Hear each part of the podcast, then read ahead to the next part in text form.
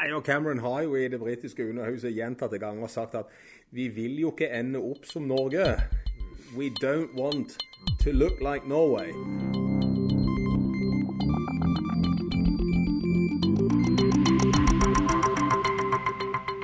juni går britene til stemmelokalene. De skal ta stilling til om Storbritannia skal forlate Den europeiske union eller fortsatt være medlem. Avstemminga er rådgivende for politikerne, men anses av mange som bindende for om Storbritannia blir, eller om vi får en såkalt brexit. På UiA har vi gode kort på hånda for å kunne få forklart hva det er som skjer. Og jeg, Øyvind Eskedal, har eh, valgt meg ut to forskere som stiller opp i denne podkasten. Først en du eh, antagelig har eh, sett på nyhetene i anledning valg og politikk i Storbritannia, der han ofte blir brukt av mediene fordi han kan og vet mye om britiske forhold. Og jeg tenkte jeg skulle utfordre deg først. Første lektor Jan Erik Mustad, gi et kjapt overblikk. Hvorfor blir det folkeavstemning?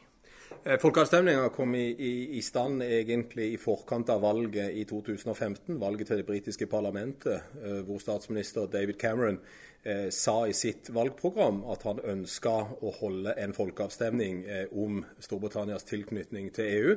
Eh, fordi at både partiet eh, og andre partier i Storbritannia har høylytt gått imot eh, britenes medlemskap. Eh, så de ønska å få en avklaring i regjeringen på hvordan dette sto i befolkningen. og selv om du sa innledningsvis at det er en rådgivende folkeavstemning, så anses dette også for politikerne, som du nevnte, som en bindende folkeavstemning. Dette handler like mye om britisk politikk som det handler om europeisk politikk. Og dermed så er nok for britene britisk politikk det viktigste i denne sammenhengen. Hvem er partene i Storbritannia som er for og imot? Ja, Det er ikke bare for og imot, men det er for og imot med veldig mange minuser og plusser eh, i magen. Eh, det konservative partiet er dypt splitta. Eh, kommentatorer i Storbritannia mener at de er i krig med hverandre i det konservative partiet, og at dette partiet, som egentlig har vært i krig i forhold til EU siden de meldte seg inn i 1973, kommer til å rakne fullstendig som et resultat av denne valgkampen, som nå har fem uker igjen. Eh, og eventuelt konsekvensene eh, hvis det nå skulle vise seg at det går mot utmelding. David Cameron eh, og regjeringen stort sett, jeg sier stort sett for det er noen som er uenig med Cameron, ønsker jo å forbli i unionen mens veldig mange på den høyre sida i det konservative partiet ønsker å melde seg ut. De som har fronta det mest, er en som heter Michael Gove, og, den tidligere borgermesteren i London, Boris Johnson, som har stått i bresjen for denne nei-kampanjen, eller forlate-kampanjen. Eh, og som mener at Storbritannia har det mye bedre hvis de melder seg ut av EU og bryter eh, spesielt dette som går på suvereniteten og lovgivning med det europeiske kontinentet. Så de konservative splitter. Labour er stort sett eh, i, i i, i forbli-leiren. Eh, og de fleste Labour-politikere er eh, tilhengere av EU, og det har de alltid vært. Helt siden de meldte seg inn i 73. Eh, vi vet at den venstresida i Labour har eh, ytra en del eh, negative holdninger til EU tidligere. Og det er jo nå da Jeremy Corbyn, som kommer fra denne venstresida, som er partileder i Labour. Og han har tidligere vært imot EU. Pga. at han er nå leder i partiet, så må han være for. Og han har uttalt også ved flere anledninger at han, at han som partileder mener at Labour skal stemme for å forbli i unionen. Eh, og Det er jo det som da kanskje blir den store utfordringen den 23.6. Det å mobilisere Labour-velgerne. Det er der nøkkelen til å forbli i EU ligger.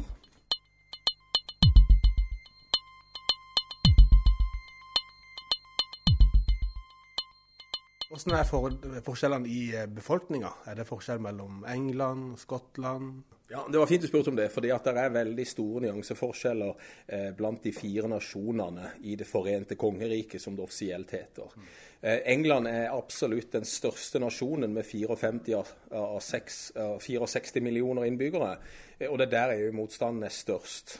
Eh, Skottland er nesten 100 pro EU. Eh, og det har jo vært lefla med tanken om at hvis britene nå melder seg ut, så vil Skottland tvinge fram en ny folkeavstemning om tilhørelse til unionen, den britiske unionen, fordi at de er så for.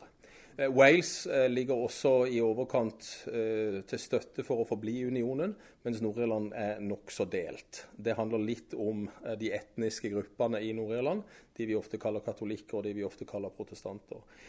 Så, så, en del av protestantene ønsker å stemme med det konservative partiet for de som ønsker å komme seg ut, mens en del av protestantene ønsker å forbli, mens de fleste såkalte katolikkene eller nasjonalistene som ønsker at Nord-Irland skal gjenforenes med Irland, de vil gjerne bli i EU. Og Så skal vi eh, snart uh, inkludere den uh, andre forskeren vi har her. Men, men litt sånn kort, hva er de største argumentene for og imot medlemskap? Valgkampen så langt har fokusert veldig mye på økonomi. Eh, og eh, David Cameron har eh, helt bevisst lagt retorikken på økonomiske argumenter og sagt at, at det er økonomisk hasardiøst å melde seg ut av unionen fordi at man ikke kan spå konsekvensene økonomisk for Storbritannia. Og han mener i, i, i korte trekk at hvis de melder seg ut, så vil de bli svekka enormt økonomisk. Eh, så, så, økonomien er noe de ønsker å, å, fokusere på frem mot den 23.6. Det andre trumfkortet til Cameron og de som ønsker å forbli i unionen, er sikkerhetspolitikk. Eh, og at, at de mener at britene er mye mer utsatt for terroranslag, mye mer usikkert eh, i forhold til framtida hvis de melder seg ut av EU. Mens for, for, de som ønsker å forlate unionen, så, så, er retorikken å vri det mot immigrasjon, suverenitet, lovgivning. At de skal ha kontroll over sine egne grenser, skal ha kontroll over sin egen lovgivning. Og at de da ikke ønsker å ha denne tilknytninga til, til Brussel. Og da ble Brussel nevnt, EU-forsker og professor Jarle Trondal. Hva, hva, betyr dette her for EU, eh, e at eh, Storbritannia nå eh, kan potensielt melde seg ut? Hva dette betyr for unionen, er, er mer uklart nå enn eh, på altså, historisk uh, sett. Så jeg tror de fleste eksperter og observatører på EU er mer usikre enn noensinne med hensyn til å spå hva så. Mm.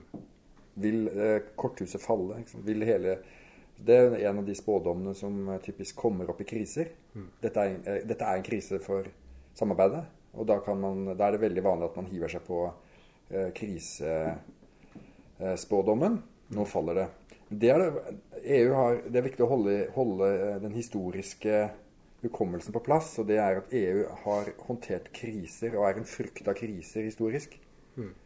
Og, og, også det at det, man har ropt om at nå faller det sammen i hver, hver eneste gang. Så dette er ganske vanlig fenomen. Mm. Det, så det er ikke unntaket, det er helt vanlig. Dette er en spesiell type krise, i den forstand at det er snakk om at et av hoved, de største landene skal melde seg ut. Det har vi ikke erfaring med. Eh, altså vi, altså Unionen har ikke erfaring med dette. Mm. Men vi kan bare gå tilbake til finanskrisen i, eh, for noen få år siden. Og Da var det jo alle de store mediene i Europa hadde forsidene sine nå. Nå faller det. Nå, nå er det liksom den indre kjernen av unionen, dvs. Si samarbeid omkring økonomi, som er et, et, et, kjerneområde. Når det ikke går, så vil alt falle. Mm. Og, eh, så man, det er en frykt ute og går, selvfølgelig. og men det er, det er, usikkert. Jeg tror ikke samarbeidet faller på denne måten, men det, det, er usikkert. Det er vanskelig å si hva da. Hva slags type samarbeid, hvis de går ut, man kan da se for seg. Men eh, det finnes noen modeller i EU som, eh, som, eh, som gjør det med, noen utfall mer sannsynlig enn andre. Og det er et slags differensiert samarbeid. Mm. Hvor Norge har en er ett eksempel på det. Mm. Sveits er et annet eksempel. Og Storbritannia kan bli et tredje eksempel på en, eh, et løsere samarbeid som har med eh, flere stater med skal vi kalle det, litt rare koblinger.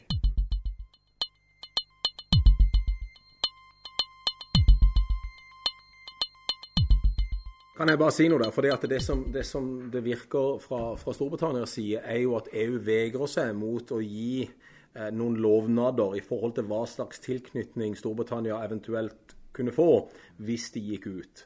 Og Det handler vel litt om dette korthuset du er inne på, eh, Trondal. Eh, og at de er litt redd for å, å skape en slags dominoeffekt. At andre land ser at Storbritannia oppnår visse fordeler, og så tenker de at Nei, nå må vi òg gå gjennom denne prosessen, for vi vet at det er mye motstand. Det er klart Den store migrantkrisen i Europa har skapt frykt og usikkerhet. og Dette handler jo om Europas yttergrenser, og det handler om Schengen og det handler om, om det europeiske fellesskapet. Og Når dette blir trua utenifra, så, så, er det klart at man er redd for å, å, å, love for mye til et land som Storbritannia i forhold til at, at da kan det være at andre land også ser sitt snitt til å stikke ut hvis det skulle skje i Storbritannia. Ja, og det som er eh, Alle disse krisene kan ha den konsekvensen. Altså Alle disse samarbeidsområdene med kravet om samarbeid på ulike politikkområder kan ha politiske konsekvenser med hensyn til ytre høyre. Så i Le Pen i, i Frankrike, hvis, det, hvis, Storbritannia går ut, så kan de få vind i seilene. Og så kan de ønske uh, renasjonalisering av politikkområder. Ikke sant? Og det vil, en, det vil, ha en, betydelig konsekvens. For da snakker vi om motoren i, i unionen. Den tysk-franske aksen som det hele ble tufta på. Mm. Og jeg, jeg, kan ikke se for meg et uh, eh, EU uten en tysk-fransk akse. Mm. Det er ikke det er ikke en, er ikke en, den, eh, si, den britiske aksen er ikke så sentral. De kom inn mye senere. Men Tyskland-Frankrike er essensiell. Så, så trusselen nå med disse krisene er det å renasjonalisere og si at nå vil, ta, nå vil uh, statene ta politikk tilbake. Uh, det er en, en ting man tenker på. Og Siden du nevnte høyrepopulisme, så er det jo et parti i Storbritannia som David Cameron er veldig på vakt overfor. Det er dette UKIP-partiet, altså UK Independence Party, som har drevet en ensakspolitikk i, i mangfoldige år nå. Nemlig å melde Storbritannia så fort som bare det ut av EU. Eh, og det er, det er, de veldig klare på enda, og nå er de sterkere enn noen gang. Og vi har jo sett denne framveksten av høyrepopulisme overalt i Europa. Og det skyldes jo forskjellige faktorer. Noen av de har, vært, har vi vært inne på, noen av de har vi ikke vært inne på. Men, men det er jo klart en frykt i Storbritannia også på at for mange velgere skal rømme fra det konservative partiet over til dette UKIP-partiet. Og Der handler det jo om nasjonalisme, om å ta grensene tilbake, og at du får en dreining mot høyre, som, som eh, er en fare. Absolutt. Ja. Og, og altså, dette er en, høyre, høyrepartiene, disse ekstreme høyrepartiene er ytterpunktet på på den politiske aksen, selvfølgelig. Men i tillegg så har vi en mer Når vi går mer, mer mot sentrum, så har vi en folkelig motstand. Eh, mer allment. Eh, som ikke bare du ser i krisetider. Men eh, den, de fleste land har sterke, sterk befolkning mot medlemskap. Mm. Eh, altså Man ser på EU som elitedrevet, Brussel langt unna. Man blir fortredd, altså Det er gjerne sånne stereotypier knytta til at, mangel på kunnskap. Og så har man stereotypier knytta til at politikken som er uheldig, kommer fra Brussel. Selv om den kan komme fra eh, kommunen. Det vet man aldri. For, for kunnskapsnivå kan være variabelt. Men det er veldig vanskelig, særlig i et sånt eh, litt komplisert politisk system som EU har blitt, så er det vanskelig å vite hvor lov, lovene kommer fra. Sånn, hva er opprinnelsen? Selv, selv mange av eh, beslutningstakerne har ikke oversikt. Men hvordan ser, hvordan ser politikerne i Brussel på Storbritannia nå, som, som vurderer å, å, melde seg ut? Ja, det kan sikkert Mustad si vel så mye om, men, men på mer allment nivå så er det jo en, denne dominoeffekten som man eh, bl.a. frykter. Dette er jo en, dette er en stat som tas på et helt annet alvor med hensyn til hva de gjør, kontra la oss si, mer perifere land som Norge, når Norge ønsker å lage seg spesialavtaler. Men det er et, dette er, et, eh, dette er en utfordring som ikke de er vant til å håndtere. Og jeg tror eh, de må gå, de må gå noen diplomatiske runder der mm. for å finne, finne mulige løsninger. Men det kan kanskje Mustad si.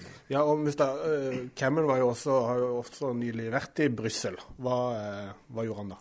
Nei, Han prøvde jo å reforhandle en ny avtale med, med EU fordi at han mente at det, det, lå litt i lovnaden hans og litt i bestillingen i hans eget valgprogram fra parlamentsvalget i mai i fjor. Mm. At, at, etter at en, en reforhandla avtale lå på bordet, først da kunne han gå til det britiske folket og erklære at nå holder vi en folkeavstemning. eh, Og, og det gjorde han. Nå ble han litt latterliggjort i Storbritannia for den avtalen han kom tilbake med. Han mente selvfølgelig at dette var en meget god avtale som lå på bordet. Eh, men det var jo ikke de store forskjellene i forhold til den eksisterende avtalen. Nå er det jo sånn at Fra Brussels side så blir nok Storbritannia litt ledd av også, for det at de har denne nasjonale identiteten sin i Storbritannia som de holder på og tviholder på. Eh, og, og mange i, i, i, Europa og, og i Brussel har nok et ambivalent forhold til Storbritannia. De kan ikke ignorere dem, for de er et så stort medlemsland med 64 millioner innbyggere og en, en så stor økonomi. Det er bare Tyskland som har større økonomi i Den europeiske unionen. Samtidig så, så, har de jo litt sine finurligheter i Storbritannia. Mm. Og de har vært en vanskelig partner i, i, det europeiske samarbeidet helt siden 73. Både fordi at de har hatt sterke bånd til USA, De ble nekta inngang til, til EU i både 1960 og 1963. For den mektige franske presidenten de Gaulle sa nei. Han var redd for at hvis de tok inn Storbritannia, så ville Amerika komme inn bakdøra. Mm. Så, så det, det, har vært et sånt ambivalent forhold hele tida, begge veier. Både fra London til Brussel og fra Brussel til London. Ja, og så er det noen sånne symbolsaker rundt eh, vektenheter og Ja, det er jo det at når, når, Storbritannia får beskjed om å gå i takt, så vil de helst ikke gå i takt. Og Det gjelder målenheter, det gjelder jo valuta, eh, det gjelder jo begrepsbruk, det gjelder alt mulig rart. Hvis det er noe som EU krever at Storbritannia skal gjøre, så kan du banne på at, at Storbritannia ikke kommer til å gjøre det uansett.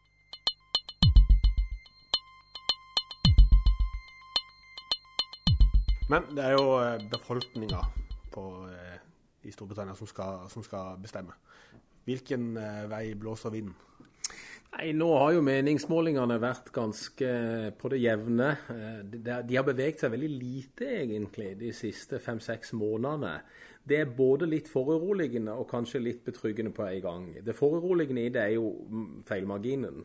At her må det være et eller annet som er feil. Eh, når det gjelder meningsmålinger, så så vi tendenser til det under folkeavstemningen i Skottland i 2014, hvor vi så at meningsmålingene etter hvert måtte ha åpenbare, nokså store feilmarginer.